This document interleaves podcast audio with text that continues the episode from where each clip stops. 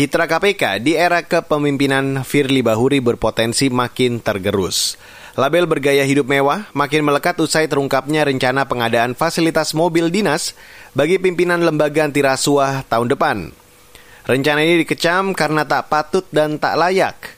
Simak laporan tim KBR yang akan dibacakan Astri Yuwanasari silahkan berkunjung ke rumah saya, bisa dinilai setelahnya bagaimana rumah kontrakan saya, mobil yang saya kendarai, fasilitas di rumah, pakaian sampai ke makanan silahkan dinilai apakah saya hedon atau tidak gitu karena Itu tadi pernyataan Wakil Ketua Komisi Pemberantasan Korupsi KPK Nurul Gufron menanggapi polemik soal rencana pengadaan fasilitas mobil dinas. Kisru ini mencuat usai Komisi Hukum DPR menyetujui anggaran mobil dinas bagi pimpinan Dewan Pengawas, dan pejabat struktural KPK. Total nilai untuk pimpinan dan dewas saja mencapai 8,5 miliar rupiah. Sontak KPK banjir kecaman karena meminta mobil dinas di tengah situasi pandemi. Namun Gufron mengklaim pengajuan tersebut sesuai ketentuan perundangan. Menurutnya, pengadaan mobil dinas juga diajukan pimpinan KPK periode sebelumnya. Pimpinan KPK selama ini semestinya memiliki hak alat transportasi yaitu mobil. Namun karena sampai pada saat ini tidak ada fasilitas mobil, maka diganti dengan tunjangan transportasi. Harapannya tentu fasilitas tersebut pada satu saat harus dipenuhi dan itu selalu dianggarkan oleh KPK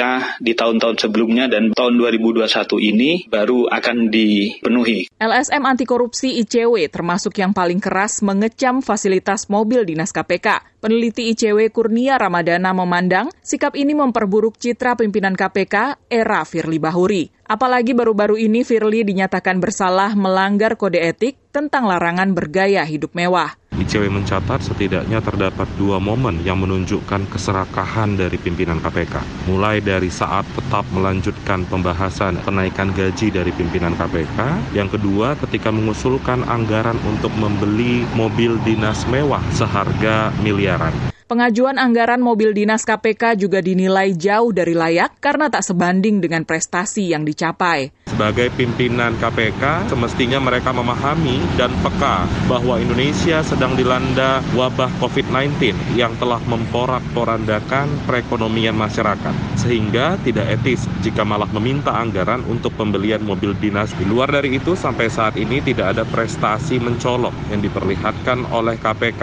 Harusnya penambahan fasilitas fasilitas dapat diikuti dengan performa kinerja yang maksimal. Adapun Dewan Pengawas KPK satu suara untuk menolak fasilitas mobil dinas. Anggota Dewas Albertina Ho mengaku tak tahu menau soal anggaran itu dari Dewas tidak pernah ikut-ikut membahas atau tidak pernah ikut berdiskusi mengenai masalah pengusulan mobil dinas itu. Jadi kami tidak tahu. Ex-Hakim Mahkamah Agung ini menjelaskan, mobil dinas untuk Dewas bertentangan dengan Peraturan Presiden nomor 91 tahun 2019 tentang organ pelaksana Dewas KPK. Dalam aturan itu, Dewas hanya diberikan tunjangan transportasi karena statusnya bukan aparatur sipil negara. Selain itu, Dewas juga sudah disediakan mobil operasional untuk mendukung tugas. Menurut kami di Dewas, dengan kami sudah mendapat tunjangan transportasi, berarti kami tidak boleh lagi mendapat mobil dinas. Nah, selama ini yang sudah dipraktekkan, kami dari rumah masing-masing itu menggunakan mobil pribadi kami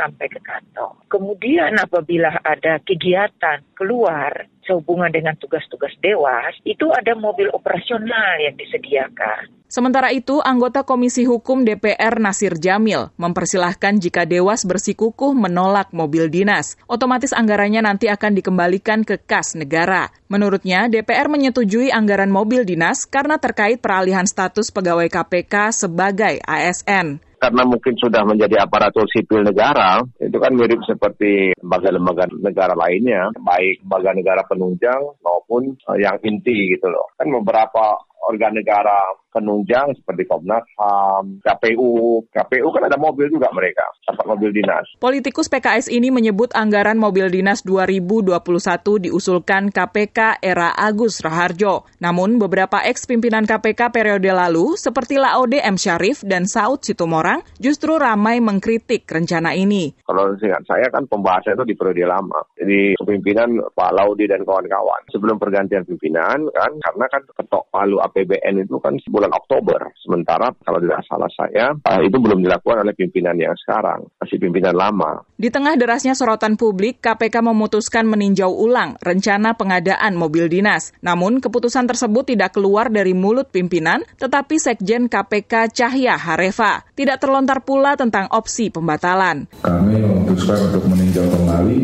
proses pembahasan anggaran untuk pengadaan mobil dinas jabatan tersebut dan saat ini kami sedang melakukan review untuk memastikan kesesuaiannya dengan peraturan yang berlaku. Demikian laporan tim KBR, saya Astri Yuwanasari.